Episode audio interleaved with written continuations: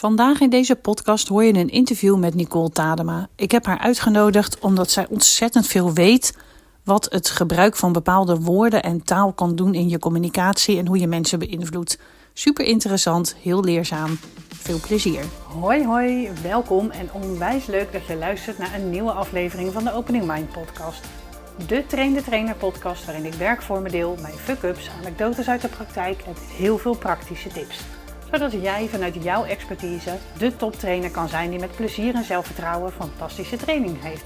Waardoor je agenda vol loopt met trainingen en je deelnemers continu terugkomen voor meer van jou. Want hoe pas je al die leertheorieën nou toe? Of wanneer juist niet? Welke werkvorm zet je wanneer in? Hoe zet je deelnemers aan tot actie? En hoe verkoop ook jij je trainingen moeiteloos? Je hoort het hier. Veel plezier!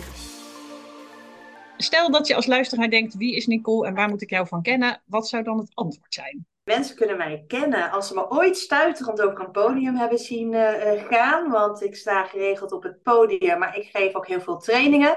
En dat geef ik met name over de kracht van taal. Hoe kan je met één woord het verschil maken? Hiervoor heb ik een eigen tekstbureau gehad met een specialisatie in arbeidsmarktcommunicatie. Dat heb ik twee jaar geleden verkocht om mij dus meer te kunnen richten op kracht van taal in het algemeen. En misschien hebben een aantal mensen ook wel uh, een van mijn vier boeken in hun kast staan. Tekst werkt, een boek over recruitment en HR, teksten binnen recruitment en HR. En mijn laatste boek is uitgekomen in maart 2023.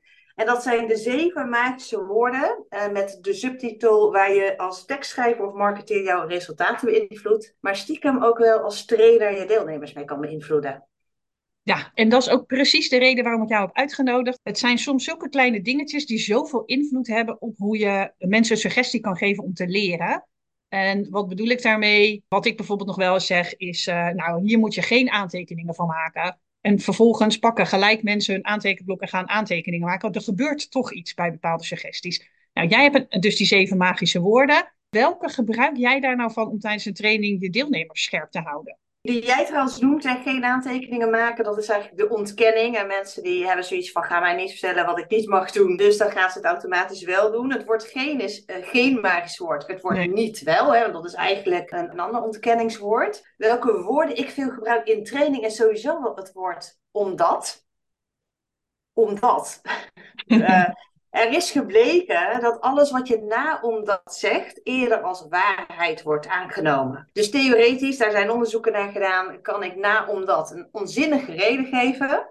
Maar dan wordt dat toch eerder door het brein als waarheid aangenomen. En vaak gebruiken mensen ook wel het woord want. Hè, want want en omdat, dat heeft eigenlijk een soortzelfde strekking. Ik zie in de praktijk gebeuren dat dat heel vaak wordt ja, gebruikt, of eigenlijk misbruikt, het woord want omdat, daar zet ik me even bewust in, omdat blijkt dat na het woord want verwachten mensen eigenlijk, er komt nu iets subjectiefs. Iemand gaat zijn mening geven, dat moet ik eigenlijk automatisch wantrouwen.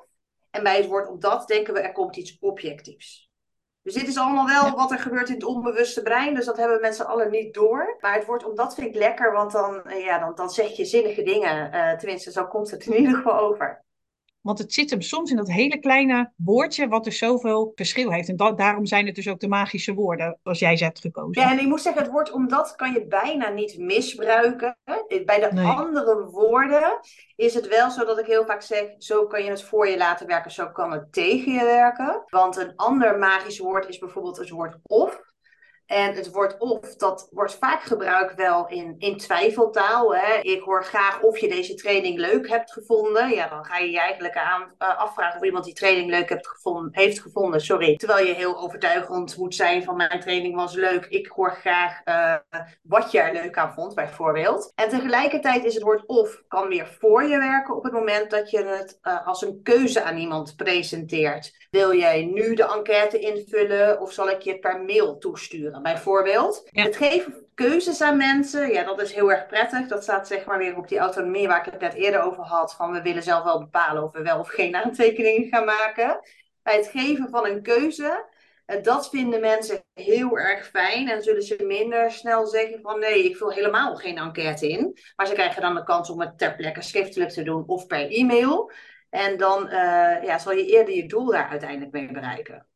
Ja, mooi voorbeeld. Ik denk dat autonomie wel een van de grootste wensen is van, ik zie het bij mijn kind van twee, die roept nu continu zelf doen en wil ik niet. Ik kan me zo voorstellen, soms sta je echt voor een groep van 100 man, 200 man misschien wel je verhaal te doen. Welke van je magische woorden gebruik je dan veel? Nou, nog steeds wel het woord omdat en het woord of, maar ook als. Eh, als is trouwens mijn uh, favoriete magische woord. Ik zeg altijd als maakt alles mogelijk. En dan zeg ik bijvoorbeeld heel vaak in, teksten, zeg ik dan niet zo snel van uh, als je akkoord bent voor deze offerte voor een training, dan zeg ik zodra je akkoord bent met deze offerte voor een training. Want dan, ja, mooi. dan geef ik ook eigenlijk al aan, het is alleen even het moment, maar ik ga ervan uit dat je akkoord bent. Maar ik neem heel vaak mensen, zeker op het podium, maar ook tijdens een training mee van wat als jij na vandaag betere teksten kunt schrijven en daarmee meer resultaat gaat boeken. En door dat wat als, dan gaan mensen denken in mogelijkheden en dan activeer ik sowieso het brein. En dat ze dan denken, oh ja, maar dan, dan stijgt mijn omzet. Of dan uh, krijg ik meer inschrijvingen voor mijn nieuwsbrief. En dan ineens zijn eventuele bezwaren die er waren, die zijn dan verdwenen. Dus de wat als, het is een beetje hetzelfde als stel je eens voor. Maar bij wat als is het het fijne dat het een vraag is. En ik zeg ook wel eens, een vraag kan je niet niet beantwoorden. Tenminste, je, je kan je, je lip op elkaar houden. Maar je brein is toch aan het schakelen als je mensen een, een vraag stelt. Of dat nou een retorische vraag is, of dat je echt een vraag stelt waar je een mondeling antwoord op verwacht.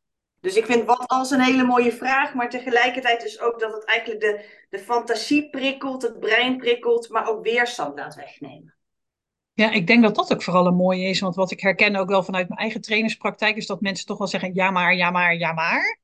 Ik gebruik overigens heel veel stel dat.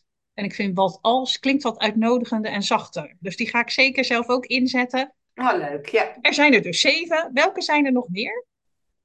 We hebben het een beetje gehad over ontkenning, uh, waarbij jij aangaf geen en, eh, en ik gebruik het woord niet. Kijk, je kan het woord niet laat, voor je laten werken. Dat geldt ook in, in, uh, dat geldt in tekst en dat geldt dus ook op het moment dat je in gesprekken zit of een training geeft of op het podium staat.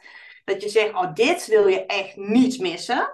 dan zit je weer op de fear of missing out eigenlijk. Hè? Verliestaal. Mensen zijn 2,5 keer zo gemotiveerd om iets niet te verliezen dan dat ze iets willen winnen. Dus dan kan het voor je werken. Maar tegelijkertijd, uh, afhankelijk van het doel, merk ik ook wel dat heel veel mensen in een soort negatieve spiraal zitten van, oh, dit vind je vast niet leuk. En tegelijkertijd denk ik van, ja, je kan ook zeggen, dit is stom. Ik gebruik hem ook wel eens, niet zozeer op het podium, maar dat ik zeg, de winkel is niet open. Tussen twee en drie. En ik heb liever dat je dan zegt, de winkel is weer open vanaf oh drie uur, bijvoorbeeld. Dus heel vaak wordt het woordje niet ergens in gepropt, terwijl je het best op een andere manier kan vertalen. Net als een oude office reply zie ik hem ook heel veel. Ik ben nu niet aanwezig en ik kan jouw mail niet lezen. Ik heb liever dat ik dan lees, vanaf morgen kan ik jouw mail lezen. Dus het wordt niet, dat, dat, dat doet rare dingen op verschillende manieren met het brein. Uh, maar sowieso is het een negatief woord heel vaak. Ja, ik heb ook wel eens gehoord dat het woord niet, dat je hersens er eigenlijk niet zoveel mee kunnen. Dus wanneer je bijvoorbeeld een bordje ziet staan niet op het gras lopen, registreren je hersens dat als op het gras lopen. Want het wordt niet, ja, dat bestaat niet. Je brengt eigenlijk ook iemand op het idee, hè? Dus als je zegt blijf op de stoep lopen, dat zou dan logischer zijn. En nu zeg je niet op het gras lopen. Eigenlijk uh, ligt de nadruk op. Bij het woord niet wordt ook een soort alertheid gecreëerd in het brein. Want we denken, oh, er, er is gevaar, we mogen iets niet. En dan ligt de nadruk op op het gras lopen. En ik vind ook altijd een mooi voorbeeld. Klaas is niet de moordenaar.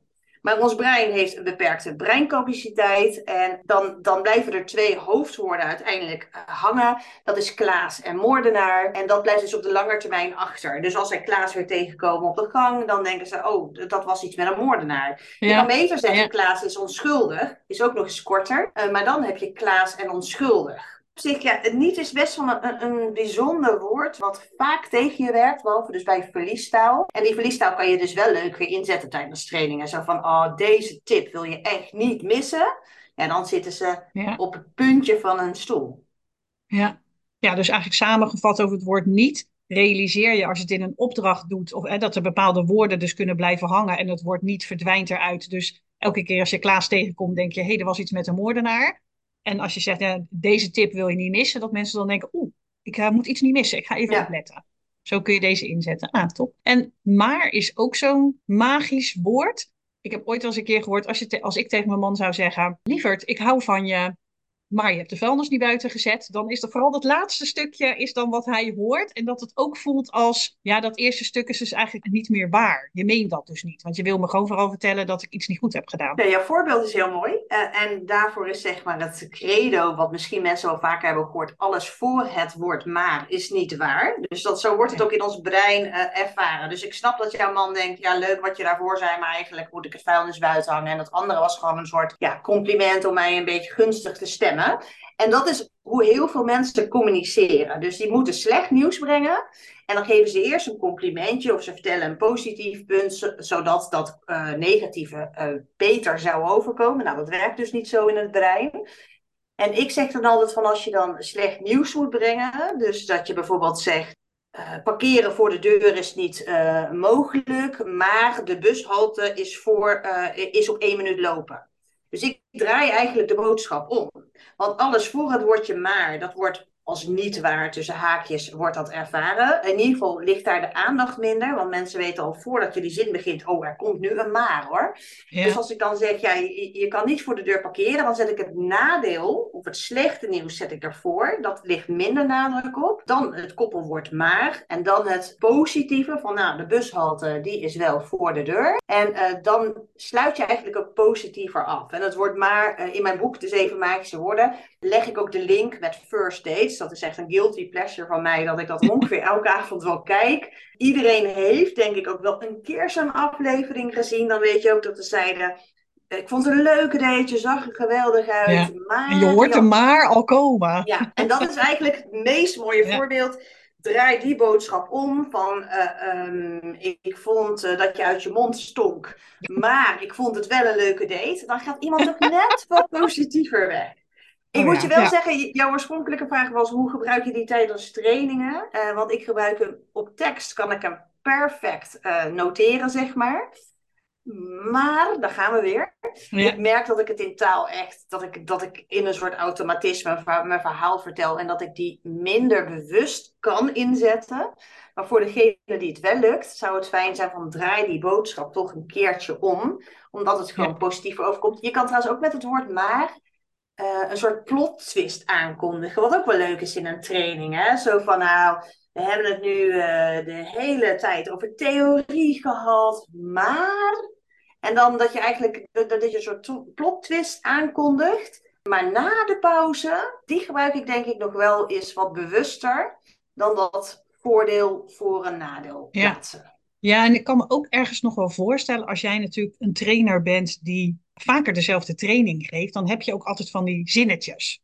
Ik heb ook wel voor bepaalde oefeningen, weet ik gewoon, deze zin scoort. Ik vind het wel zo'n goede om eigenlijk met jouw lijstje eens naar al mijn zinnetjes te gaan kijken. En te kijken, hey, kan ik die dus nog krachtiger maken? Ja. Nou ja, als je op bijvoorbeeld op het podium werk ik wel meer met uitgeschreven teksten. Uh, soms heb je 20 minuten om je publiek mee te nemen. Dan werk ik persoonlijk wel mijn hele tekst uit. Die ga ik niet helemaal uit mijn hoofd leren, maar op bepaalde momenten ga ik dan de magische woorden, maar ook uh, andere dingen hoor, over uh, cliffhangers of een drieslag, die, die ga ik wel heel bewust erin plaatsen. En op het moment dat ik dat doe, dus dat ik meer gescript aan het spreken ben, dan zou het me waarschijnlijk wel lukken. Maar als ik zes uur voor een, training, eh, voor, voor een trainingsgroep sta, ja, dan let ik ook niet meer op elk woord. Maar wat, wat jij net aangaf, je hebt altijd van die vaste zinnetjes dat je denkt, oh ja, dat is weer een play rewind. Maar misschien moet je die ook eens een keer refreshen. Een leuke uitnodiging voor mezelf en in ieder geval ook aan alle luisteraars om dat in ieder geval uh, eens te gaan doen. Ik ga straks natuurlijk even vragen aan jou waar mensen meer informatie over die zeven magische kunnen, uh, woorden kunnen vinden. Ik ben eerst even benieuwd, want je zette andere technieken in. Ik hoorde jou daarnet ook wat over storytelling. Ik hoorde zelfs drieslag. Nou, drieslag heb ik nog nooit van gehoord. Maar laten we eens beginnen met storytelling. Kan jij een voorbeeld geven? Hoe zet je dat in? Hoe bereid je zoiets voor? Ja, ja, bij storytelling is het natuurlijk mooi dat je mensen meeneemt eigenlijk in een verhaal. Ik gebruik het eigenlijk altijd op het moment dat ik mezelf voorstel aan mensen. Of dat dus nu voor een groep is, uh, in een trainingsruimte of voor, uh, in een grote zaal voor een groot publiek. Um, want ik vind storytelling dan heel erg fijn. Dan neem ik ze eigenlijk mee in een stukje van mijn leven. Uh, dan maak je het ook meteen persoonlijk. En je begint rustig aan in plaats van meteen een bak met inhoud over iemand heen te gooien. En wat ik daar heel bewust in doe, is ook wel de zintuigen prikkelen. Want dat activeert eigenlijk ook weer het brein. En hebben mensen ook echt het gevoel dat ze bijna bij die situatie waren. En ik had uh, afgelopen donderdag mocht ik uh, spreken voor een groep van communicatieadviseurs. En daar hadden we het over ChatGPT. En ik nam eigenlijk die mensen mee van, het was november 2022. Ik had net mijn tekstbureau verkocht. En ik gaf een training en mijn telefoon ging de hele tijd af. Ik voelde het trillen op mijn uh, Apple Watch. En op een gegeven moment, ik doe nu even de korte versie hoor, maar dat ik dan vertel dat ik erachter kwam dat ChatGPT misschien wel mijn baan over ging nemen. En uh, dat dacht ik in ieder geval op dat moment nog. En dat, dan, uh, dat ik hartkloppingen kreeg. Ik kreeg het koud en warm tegelijk. En ik voelde zelfs een zweetdruppel over mijn rug lopen. Nou, je hoort er misschien een beetje, deze ja. dus een beetje gescript, hè, want dit was voor een grote, volle zaal. Dat is gewoon fijn, dan, dan voelen mensen bijna alsof ze bij die situatie waren. En je bent ook bezig met een bepaalde vorm van herkenning creëren. Want iedereen zal wel zo'n klein paniekmomentje hebben gehad. Maar ik heb ook een ander voorbeeld wat ik mensen meeneem naar 1983. Um, waar ik bij mijn oma op de bank zat en eigenlijk een meer sentimentele situatie schets. Maar ook wel weer speel met die, met die geur van koffie of uh, uh, de smaak van de koek die ik uh, opeet. Ja, ik vind dat dus heel erg fijn om het persoonlijk te maken. En verder gebruik ik ook heel veel anekdotes gewoon over wat ik in mijn hele training door, over wat ik heb meegemaakt. Hoe andere trainingsdeelnemers dingen hebben opgepakt en hoe dat goed ging of slecht doet. Want ook dat is natuurlijk storytelling. Ja, ja, ik kan me voorstellen dat beter werkt dan zeggen, nou, dit zijn de zeven magische woorden, gebruik ze zo, succes. Ja, en bij de magische woorden neem ik ze of mee naar zo'n first dates restaurant. Oh ja. uh, waar ik het publiek trouwens ook nog wil uh, betrekken hoor. Dan zeg ik, jongens, wie van jullie is ook net zo'n grote fan als ik ben? En het liefste laat ik de mensen dan vertellen wat er gebeurt als iemand wordt gedumpt hè, tijdens dat daten. En dan beginnen ze altijd over dat woord maar, dus dat is super fijn. Maar ik neem ze dan wel eerst mee in mijn situatie. Dat ik 30 jaar samen ben met dezelfde man. En dat misschien daarom die guilty pleasure is ontstaan. Dat ik dat daten wel super leuk vind. Om elke keer weer te zien hoe dat ongemakkelijke moment uh, plaatsvindt. Dus ik, ik, geef altijd een klein kijkje in wie is Nicole eigenlijk. Want dat is natuurlijk super belangrijk. Dat die, die deelnemers die zitten daar, die weten in theorie niet zo heel veel over het onderwerp. En dan sta jij daar als, ja, als expert voor ze. Uh, ik probeer dan die gelijkwaardigheid daarin ook echt wel te creëren. En die, uh, dus die first dates die gebruik ik heel veel voor de magische woorden. En dat voorbeeld uh, van mijn oma eigenlijk ook. Ja, je, kan overal een verhaal bij bedenken. En bedenken, het is allemaal waarheid berust. maar dat je het net eventjes zo vertaalt, zodat het past bij jouw onderwerp. Ja. ja, dus je zou eigenlijk kunnen zeggen op het moment dat jij iets wil delen met je deelnemers in een training, je kan het voorlezen, je kan het op een PowerPoint laten zien en je kan ook door middel van een verhaal ervoor zorgen dat je dus mensen eigenlijk meeneemt in de theorie en hoe jij dat dan toepast of waar dat dan vervolgens over gaat. Waarmee je ja. dus eigenlijk makkelijker naar binnen gaat. Ja, en waardoor mensen het ook beter onthouden. Hè? Want uiteindelijk worden ja. verhalen beter onthouden dan gewoon van die stoffige, droge theorie. Dus als iemand het heeft over het First Dates restaurant, dan denken ze, oh ja, maar, ik, ja, noem maar op. Of ze zit volgende week weer bij een oma en denken ze, oh ja, ik, ik weet nog dat uh, Nicole je vorige week wat over zei. Maar het is vooral dat het gewoon beter wordt onthouden. Dat vind ik een hele belangrijke. En het maakt ook gewoon door af en toe anekdotes te vertellen. Pluk ik overal en ergens vandaan. En soms ontstaat ook spontaan tijdens een training. Dat ik denk, oh ja, dat heb ik laatst meegemaakt. Ja, dan, dan doorbreek je dus ook even het theoretische ja, deel. eens. En mensen herkennen zich makkelijker. Dus dan blijft het echt veel beter hangen. Ik heb ook altijd een heel grappig voorbeeld over een paars konijn. Ik vertel ook heel vaak, denk niet aan een paars konijn. En dan, uh, nou dat is dus dat woord niet, de ontkenning. En uiteindelijk uh, zeg ik, oh, ja. maak je geen ja. zorgen. Morgen is de gedachte over dat paarse konijn weg, maar de rest van de dag zit je er nog even aan vast. En dat vind ik ook altijd wel een hilarische, want ik weet vrij zeker dat dat dan nog gebeurt. En ik krijg soms ook wel nog eens berichtjes via LinkedIn of appjes van... Oh, ik moest weer aan je denken. Niet aan een paars konijn. en toch dacht ik eraan. Grappig, ja. Ik gebruik nu als een paarse cavia's. Ik denk dat deelnemers oh, van mijn training die deze podcast luisteren denken, oh ja. Hey, en een andere techniek is uh, cliffhangers. Daar gaan we het natuurlijk straks over hebben. Want ik ben ook nu benieuwd naar je omgekeerde bingo. Wat is dat? Ja, ik noem het eigenlijk de bullshit bingo. Ik, ge ik, geef veel trainingen over vacatureteksten. Dat, dat, is eigenlijk waar mijn achtergrond ligt. Mijn tekstbureau was daar ook op ge uh, gespecialiseerd. Dus ik geef uh, veel trainingen ook over vacatureteksten. En in vacatureteksten heb je natuurlijk altijd van die verschrikkelijke clichés. De spin in het web, de informele werksferen. Teamspeler, maar wel individueel gericht, op prestaties. Uh, ja, geen 9 tot 5 mentaliteit. Nee, work hard, play hard is er ook weer zo eentje. Nou goed, jij noemt er ook al een paar, we kennen ze allemaal. En eerlijk gezegd komen ze ook in vrijwel elke vacaturetekst voor. En wat ik heb gedaan is, ik geef training over vacatureteksten meestal zes uur. Wel met pauzes ertussen. Mhm. En het grappige is misschien ook nog wel om te weten, is dat de doelgroep aan wie ik die trainingen geef, over het algemeen een hekel hebben aan vacatureteksten schrijven. Dus ik probeer het wel zo leuk mogelijk te maken.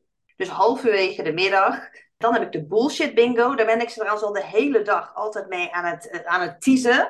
Uh, want je kan prijzen winnen. En uh, ik oh zei net al, mijn doelgroep die uh, vindt vacatureteksten verschrikkelijk. Maar is heel competitief ingesteld. Dat weet ik ook. Dus dat is lekker. En dan hang ik een aantal A3, zeg maar het formaat van flipovervellen aan de muur. Daar staan vacatureteksten op die bomvol clichés zitten, zoals wij net al eventjes aangaven. En wat ik dan doe is eigenlijk op mijn uh, PowerPoint sheet, en dat, dat vertel ik dan ook met een soort echt quizmaster-achtige stijl. Soms ga ik op tafel staan, het kan niet gek genoeg. Uh, maar dan laat ik een woord zien uh, en dan moeten zij zoeken of dat woord voorkomt in hun op een flip over, waar ze zijn gaan staan. Ja, ik noem het dus de bullshit bingo. En dat is altijd even dus dat resultaatgerichte prikkelen. Mensen moeten letterlijk van hun stoel in een groot groepsverband, moeten ze dan met een arceerstift dat doen. Uh, het is altijd hilarisch, want wat ik zei, soms is het zo hilarisch dat ik met mijn 1,63 meter niet letterlijk en figuurlijk niet meer boven de groep uitkom. en uh, ik soms op een tafel ga staan om het nog een beetje te overstemmen. En dat vind ik trouwens het allerleukste hoor, uh, dat ik gewoon gekke dingen mag doen tijdens een training. En dat zijn dus ook wel, ja, voor mij is dat wel een heel leuk moment en ook inmiddels wel een begrip geworden in de markt van oh Nicole en de bullshit bingo. En je kan hem op meerdere manieren denk ik wel inzetten voor verschillende type trainingen. Maar dat competitieve en dat mensen even van hun plek af moeten, uh, zeker op driekwart van de training, dat doet het volgens mij echt heel erg goed. Het laatste wat je wil is dat mensen naar een training gaan met de gedachte: ik krijg vandaag te horen wat ik allemaal niet goed doe. En het is natuurlijk veel leuker als jij het bij iemand anders mag doen en dan moet zeggen: ja, ik zeg dit ook, geen 9 tot 5 mentaliteit. Of ik zeg ook, marktconforme arbeidsvoorwaarden of hè, welke andere dingen je daar ook in hebt staan. Dus eh, dan voelt het meer als, oh ja, ik ben net als alle andere mensen, in plaats van dat er een trainer komt die mij even komt vertellen wat ik allemaal fout. Dus ik, het, het doet natuurlijk ook heel veel voor je positieve beleving van, oh inderdaad, dit doen wij ook. Ja, leuk. Ja, en dat sluit misschien weer een beetje aan bij wat ik net zei. Hè? Er zitten deelnemers die minder over het onderwerp weten dan jij als trainer. Uh, dus jezelf als trainer kwetsbaar opstellen is, is denk ik ook een hele goede. Ik, ik, ik praat natuurlijk heel veel over taal en, en geschreven tekst. En mensen zijn altijd verrast als ik, als ik mensen vertel dat mijn Nederlands eigenlijk niet eens zo heel erg goed is. Mijn grammatica en spelling. Dus dat ik elk tekst en dus ook de uh, slide deck uh, laat checken door een corrector. Uh, Marcel is mijn vaste corrector, daar werk ik al jaren mee. En die, die haalt uit elke tekst die ik hem aanlever, haalt hij weer een slordigheidsfoutje of een dt-foutje. En dat vinden mensen ja, eigenlijk altijd wel, oh echt, weet je wel. Dan, daar, daar creëer je ook een soort verbinding mee met je deelnemers. Ja, ik denk dat iedereen wel herkent. Mijn man zegt ook wel eens tegen mij, nou meer, weet je, laat mij je Instagram post maar eens even controleren. Ik ja, ik heb dat in haast gedaan. Waarbij ik het ook vaak belangrijker vind, weet je, ik wil in ieder geval iets delen en dat hoeft nog niet perfect te zijn. Maar ik ben met je eens voor een training, hè, als het zeg maar wat meer het formele materiaal is, ja, dat moet er natuurlijk super strak uitzien. Dus heel, ja, het lijkt me heel goed dat je het laat controleren, want je ziet het op een gegeven moment ook niet meer. Nee, je ziet het niet meer. En in die end, ik word er naar mijn gevoel wel extra hard ja, op afgerekend als ik een tekst, als ik een taalfout maak. En dat mag denk ik ook wel, want ik heb het over taal. En ik weet ook wat het effect is op het moment dat je een taalfout maakt. Hè. Mensen gaan gewoon twijfelen aan je professionaliteit.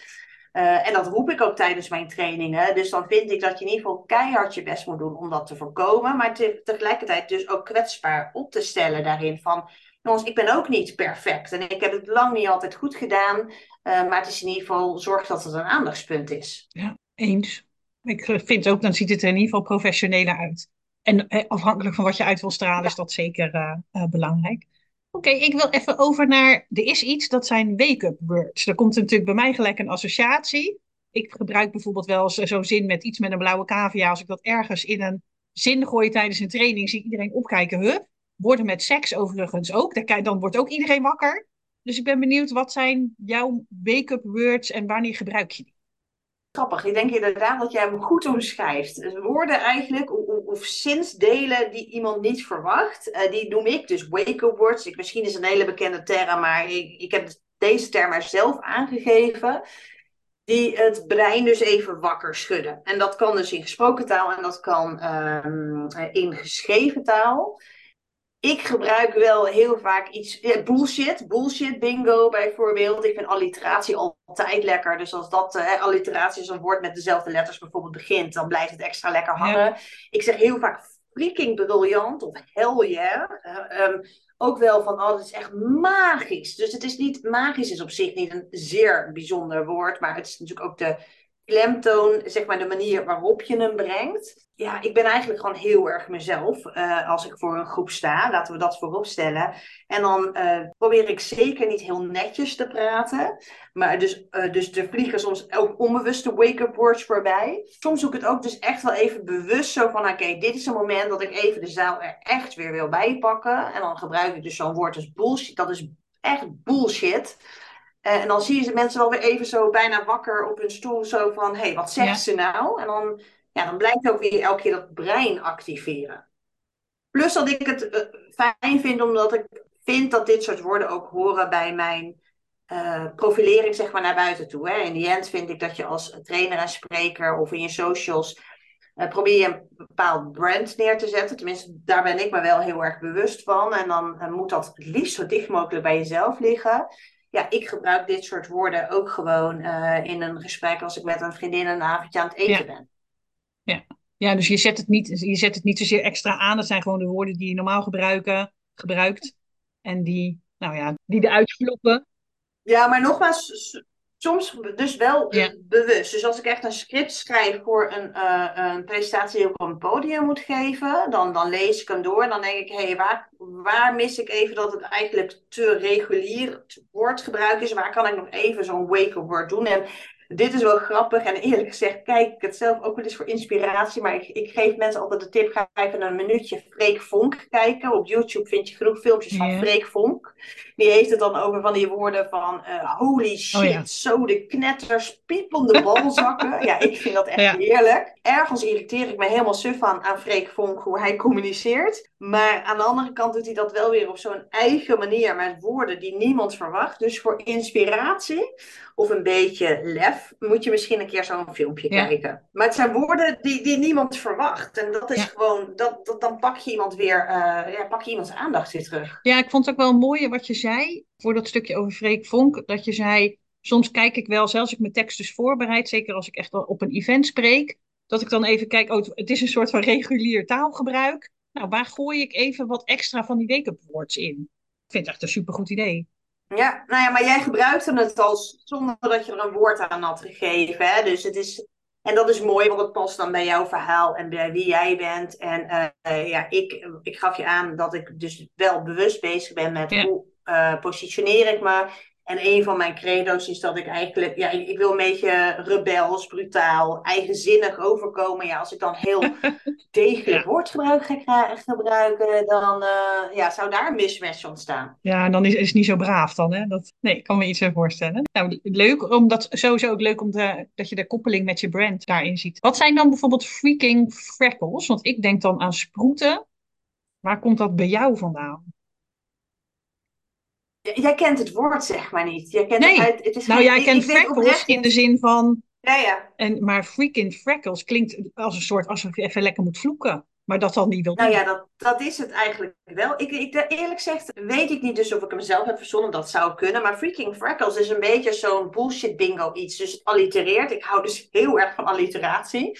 Uh, is trouwens ook gebleken dat als dingen rijmen uh, slash dezelfde beginletter hebben, dat, dat, dat die boodschap sowieso beter wordt onthouden. Ja. Maar ik vind het gewoon ook altijd lekker klinken.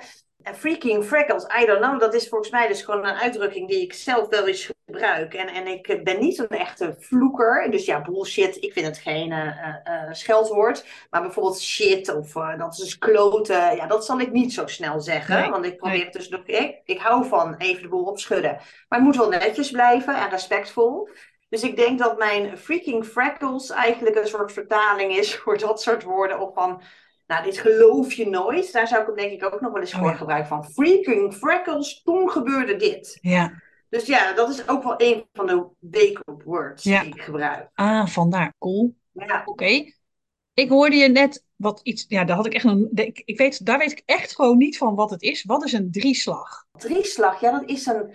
Dat is dus, ja, volgens mij is dat officieel een soort stijlfiguur die vaker in communicatie wordt ingezet. En een voorbeeld is bijvoorbeeld, eh, als ik hem goed uitspreek, Veni Vidi Vici eh, van Julius Caesar. Of ook Yes We Can. Dat komt erop neer dat op het moment dat jij een boodschap in drie delen overbrengt, dan eh, vindt ons brein dat heel erg fijn. En dat is omdat je bij drie kan je ook als eerste een patroon herkennen. En het is ook niet voor niks dat je hebt uh, goudklokje en de drie beren, uh, kwik, kwek en kwak. Uh, maar ook het voorbeeld van Nike, hè, just do it. Heel Oh, ja. veel slogans bestaan uit drie hele krachtige woorden. Ja. In de coronatijd had Rutte ook zoiets. Wat was het? Handen wassen, afstand houden. En, en nog een derde uh, versie erbij. Nou, die ben ik dan gelukkig eigenlijk wel vergeten. Want, en ik gebruik hem heel vaak. Vaak aan het begin van mijn training of mijn presentatie. Dat ik zeg, oké, okay, na deze training kun je beter, sneller en slimmer teksten schrijven. Oh ja. Bijvoorbeeld. Ja. Dus ik probeer hem zo op, drie, op die drie manieren. Ik gebruik het ook wel heel vaak door bijvoorbeeld drie voorbeelden te geven. Dat is een andere vorm van drieslag.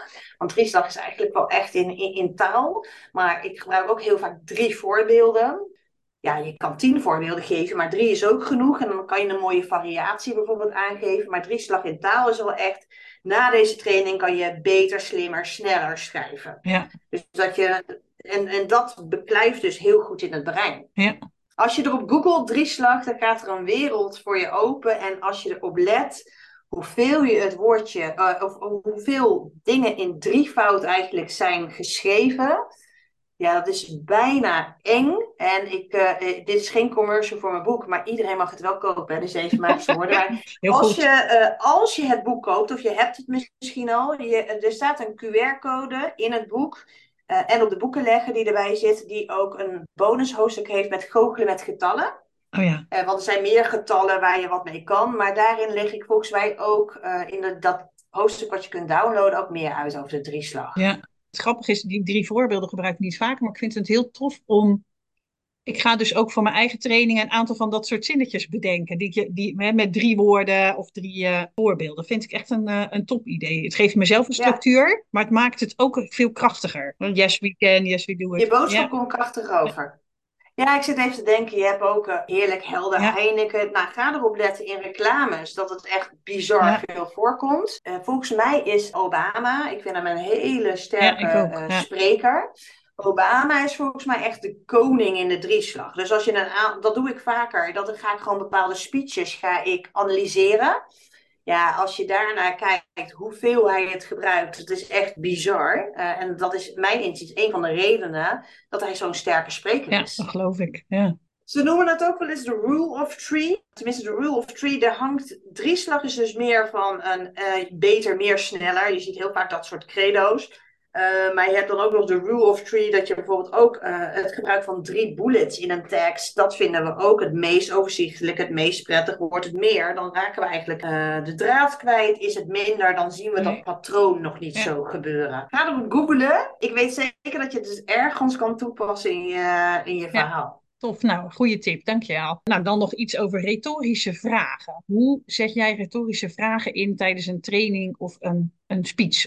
Nee, de retorische vraag, uh, ja, dat is eigenlijk dus een vraag waarop je het antwoord al weet. Uh, waarop je ook niet altijd de ruimte geeft dat mensen per se antwoord geven. Maar ik zei volgens mij heel erg eerder in het verhaal al, op het moment dat iemand een vraag stelt, dan kan die die niet niet beantwoorden. Dus er gaat weer wat in het brein gebeuren. Uh, dus dan zou ik kunnen zeggen van, heb je dat ook wel eens gehad dat je wilde gaan schrijven, maar je had last van een writersblok?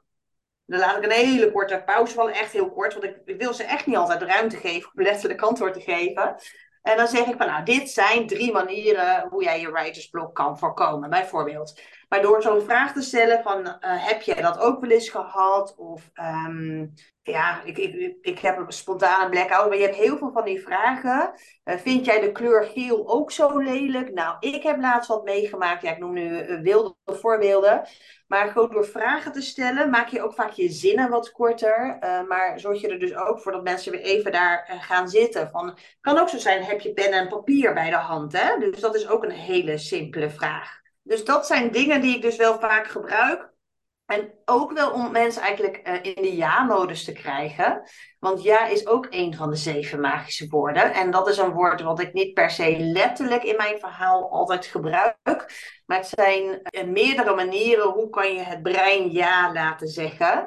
Mhm. En je kan dus ook zeggen van, ja, van vind je het ook logisch dat? Weet je, dan, dan denken mensen, ja, dat vind ik ook logisch. En dan vervolg je eigenlijk je verhaal. Dus mensen beantwoorden je vraag in hun brein en tegelijkertijd stemmen zij in met jouw verhaal, waardoor ze aan jouw kant staan. Uh, en dat wil je natuurlijk altijd. Want als zij bij elke vraag denken, nee, dat herken ik niet. Ja, dat is ook niet best, want dan ontstaat er weerstand naar de rest van je verhaal. Dus ik stel soms ook echt wel vragen die heel voor de hand liggen. Want super, dat is toch logisch, zeg ik dan. Dat is ook een ja. tussenliggende vraag. En dan denken zij onbewust ja, en dan ga ik gewoon weer verder. Nou, logisch. ja. Ja, zeker. Dat is logisch? Ja. ja, is een mooie techniek om mensen te betrekken bij jouw verhaal en dus mee te krijgen in die ja. En het dan dus dan, ik zeg altijd maar, de glijdt het makkelijker naar binnen. Ja, en soms is het ook van, jij wilt toch ook meer resultaat boeken? Ja, wie gaat daar nou nee op zeggen? Nou ja, dan zeg ik nou, ik ga jou meenemen in hoe dat mogelijk is. Dus ik moet zeggen, ik gebruik dat ook wel vaak aan het begin. Trouwens, dus ook weer met die drieslag. Dat ik drie vragen stel. Van, dat ik zeg van, jij wilt toch ook meer resultaat boeken? Jij wilt toch ook minder tijd kwijt zijn met... En dan doe ik dus vaak drie vragen. En als ik ze, dan heb ik ze in de soort, soort ja, de zogenaamde ja-modus. En dan heb ik ook dat brein weer actief gehad. Nou ja, dan, dan sta je meerdere uh, vliegen in één klap. Ja, en het zou ook nog wel eens, bedenk ik me nu, een mooi overgangetje kunnen zijn naar het cliffhanger. Omdat je dan zegt, zou je dit, zou je dit, zou je dit? Daar ga ik jullie aan het einde nog wat over vertellen. En nu eerst dit. Ik kan me voorstellen dat dat een cliffhanger zou kunnen zijn. Hoe zeg jij cliffhangers in? Kwartaal? Um, dat kan er een zijn voor de lange termijn. Maar ik zeg ook wel eens van, nou, wat ik je zo ga vertellen, dat heb je altijd willen weten. Of ik ga je een tip geven. Ik weet zeker dat je die wilt opschrijven. Oh dus, dus eigenlijk een beetje zo geheimzinnig. En dan maak ik zo nog wel twee, drie zinnen aan vuil. En dan pas komt die tip. Maar dan ben ik ze aan het opwarmen dat ze op het puntje van mijn stoel gaan zitten. Ja, zo klinkt het. Ja, dat zeg ik ook eens. De vorige keer dat ik dit vertelde, toen gingen alle monden van iedereen in de zaal direct open. Oh, die is ook leuk. Ja, en dan, ja, het grappige is wat je daarna vertelt. Volgens mij kan het ook onzin zijn. Ik vertel natuurlijk altijd zinnige dingen, maar theoretisch kan het bijna onzin zijn. Want als ik dan zeg, de vorige zaal was heel enthousiast. Ja, hoe gaan zij dan zeggen, ja, ik vind het helemaal niks. Dus dan zet je ook nog een beetje social proof in, een van de beïnvloedingsprincipes. Dus ik gebruik hem volgens mij het meest op die manier. Maar ik probeer zeker trouwens tijdens online trainingen en webinars wel aan het begin iets te vertellen dat ik zeg aan het einde kom ik hierop terug. Want bij online zie je dat mensen sneller afhaken. Zeker tijdens een gratis webinar. Dus dan probeer ik het dan als een soort teaser bijna in te zetten aan het begin. Maar zitten ze in de zaal, dan verwacht ik niet dat ze snel weg gaan lopen of in een training. En dan gebruik ik het dus meer in van, oh, ik ga je straks vertellen, nou, dan gaat er een wereld voor je open. Ja, mooi. Ja en stel, stel dat mensen nou nog meer van jou zouden willen weten en nog meer van deze praktische tips, uh, waar kunnen ze die vinden? Ik zou zeggen, eh, connect met mij op LinkedIn, uh, want ik post letterlijk elke dag iets op social media en dat zijn heel vaak ook wel echt hele praktische tips. Ik stuur elke week een nieuwsbrief waar je je aan, voor kan aanmelden. Um, en de website uh, scorenmetwoorden.nl. En op uh, Scoren met Woorden kan je dus ook aanmelden voor die nieuwsbrief. En op LinkedIn post ik elke dag iets. Dus daar kan je ja, sowieso heel veel vinden. Ja, daar kende ik jou ook oh, van. Nou ja, ja, heel leuk. Ja. Ja, tof. Wat ik zal doen, ik zal in de speaker notes wel even alle direct linkjes naar je LinkedIn en je Leuk. website en zo zetten. Dan eh, kunnen we, ik hou erg van eh, faciliteren en het mensen makkelijk maken. Dus dan hoeven ze alleen maar op de link te klikken. Zijn er nog dingen die we nog niet besproken hebben waarvan je zegt, oeh, dat moet er toch nog even bij? We hebben het al gehad over retorische vragen en cliffhangers die ook vaak in vragen voorkomen. Maar het valt me steeds vaker op eh, dat als ik zelf een training bijwoon of iemand zie spreken op een congres, dat er verkeerde vragen worden gesteld. En wat bedoel ik daarmee? Dat zijn vragen die eigenlijk niemand echt durft toe te geven dat hij iets nog niet heeft gedaan of iets nog niet weet. Ik zat een tijd geleden bij een congres en dat ging over uh, non-binaire personen, inclusieve communicatie. En toen was er een spreker op het podium die zei: Wie van jullie weet niet wat een transseksueel is? En er was echt niemand in de zaal die zijn hand op durfde te steken, denk ik. Of iedereen moet het wel geweten hebben, maar dat is zo'n vraag. Dat al weet je niet wat het antwoord is, dan durf je niet als een van de weinigen een vraag te stellen. Dus dan... Ja, ja zeker als het, ja, omdat het dan zo weinig zijn, als het er al mensen zijn. Ja. ja, dan zou je dus beter, dat is trouwens weer trouwens wel grappig, want hier zit dat woord niet in, hè, waar we het hele verhaal mee begonnen. Je kan, zou je beter kunnen vragen, wie weet uh, wat een transseksueel is, bijvoorbeeld. En dan, dan zie je dat het merendeel zijn hand op gaat steken en bereik je veel meer. En nu ontstond een ongemakkelijk moment. En ik had er dus ook van de week dat ik op een event was over uh, AI en de inzet van ChatGPT onder andere. En toen was de eerste spreker die zei: Wie van jullie heeft nog nooit met ChatGPT gewerkt? En er ging letterlijk één hand omhoog. En in de zaal staat iets van 250, 300 mensen. En ik vond dat, ik dacht, dat kan ik me niet voorstellen. Uh, Want volgens mij ligt het percentage hoger. Maar ja, goed, het was wel een AI Academy uh, dag. Um, dus ik dacht, oh shoot, ik ga straks ook een verhaal over vertellen. Dit zijn echt vergevorderde mensen, dacht ik nog. Ja. Ik werd spontaan zenuwachtig. Dus even later loop ik het podium op. Vertel ik dus trouwens allemaal dat verhaal hè, over die paniek die toesla, uh, toen, toesloeg. En die, dat zweet dat over mijn rug druppelde. En daarnaast uh, ging ik connecten met het publiek. En zei ik, heb ik die vraag anders gesteld? Ik zei echt letterlijk van, oké, okay, wie werkt er elke dag met ChatGPT? Oh ja. Wie werkt er elke week met ChatGPT? En op een gegeven moment kwam ik eruit van, oké, okay, en wie heeft eigenlijk nog nooit met ChatGPT gewerkt? Nou, er gingen echt iets van 40 handen omhoog. En het was dezelfde zaal, uh, waar eerder maar één of twee handen omhoog gingen. Maar het is dus soms ook de manier van je vraagstelling Ja. die ervoor kan zorgen dat, dat het publiek A eerlijk antwoord geeft. Uh, want vaak stel je ook vragen om inzicht te krijgen in het niveau van je publiek of dat soort dingen. Uh, maar ook uh, dat zij zich prettig voelen. Want als ik inderdaad niet zou weten, uh, als ik een van die weinigen ben die nog nooit met ChatGPT had gewerkt, hoe spannend is het dan om je hand op te steken in een hele grote zaal? Maar ook als ik zit met een, een trainingsgroep van tien mensen. Ja.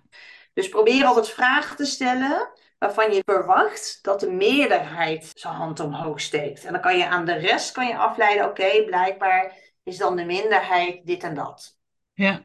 Ja. Dit is gewoon een recent inzicht ook van mezelf. Uh, wat ik wellicht ook niet altijd even goed heb gedaan. Maar dat ik denk, dit is wel eentje voor mij om bewust mee om te gaan. Omdat ik dus nu een paar ongemakkelijke momenten heb meegemaakt waar ik zelf in de zaal zat en dat je dat ongemak ook voelde. En dat wil je ook voorkomen. Ja. Dus dat was er nog wel één ding ik wil delen. En volgens mij hebben we voor de rest echt alles wel besproken, toch? Ja, volgens mij ook. Nou, ik vond je aanvulling ook uh, super waardevol, zeker voor trainers. Omdat heel veel trainers tegen mij ook wel stellen vaak de vraag... hoe zorg ik dat het veilig is voor mensen om te laten merken dat ze iets nog niet weten. Dus de opbouw in vragen en dus positief beginnen vanuit de zin... of vanuit de gedachte hoeveel mensen kunnen hier ja op zeggen. Dat je, dat je eigenlijk ook kan weten, dus een aantal mensen ja op zeggen en dan versmal ik hem. Vind ik echt een heel mooie, ja. mooie aanvulling. Ja, nou dus echt, Nicole, nou, super bedankt voor uh, al je tips. Het is, uh, ik begrijp dat het heel veel is voor onze luisteraars, dus ik ga jullie zeker doorverwijzen naar alle informatie uh, die Nicole kan delen op LinkedIn en op haar website en uiteraard via haar boeken. En dan wil ik jou van harte bedanken voor, nou, voor dit interview en, en de gezelligheid en de toffe informatie die je hebt gedeeld. Ja, jij bedankt. Ik vond het super leuk om te doen. En mochten er trouwens luisteraars zijn die dit gaan toepassen uh, en uh, successen boeken of ergens tegenaan lopen, vind ik het ook leuk als ze me even een berichtje sturen. Want ook daarin uh, kan ik misschien ook helpen of ik kan er zelf van leren. Ik vind het ja, altijd leuk om kennis te delen en dan met mensen in contact ja. te komen. Dus dankjewel voor de uitnodiging. Ja, wat een tof aanbod van jou. Dankjewel. Leuk dat je erbij was vandaag. Ik hoop dat je nieuwe inzichten op hebt gedaan over hoe je taal in kan zetten tijdens je trainingen of misschien wel tijdens het schrijven van content. En laat het me vooral weten. Geldt hetzelfde voor Nicole. Stuur ons een berichtje via onze social media kanalen. En je kan ook via de Q&A onder deze podcast in Spotify in ieder geval een vraag achterlaten. Daarnaast zou ik het ook fijn vinden wanneer je een review achterlaat voor deze podcast. Dankjewel!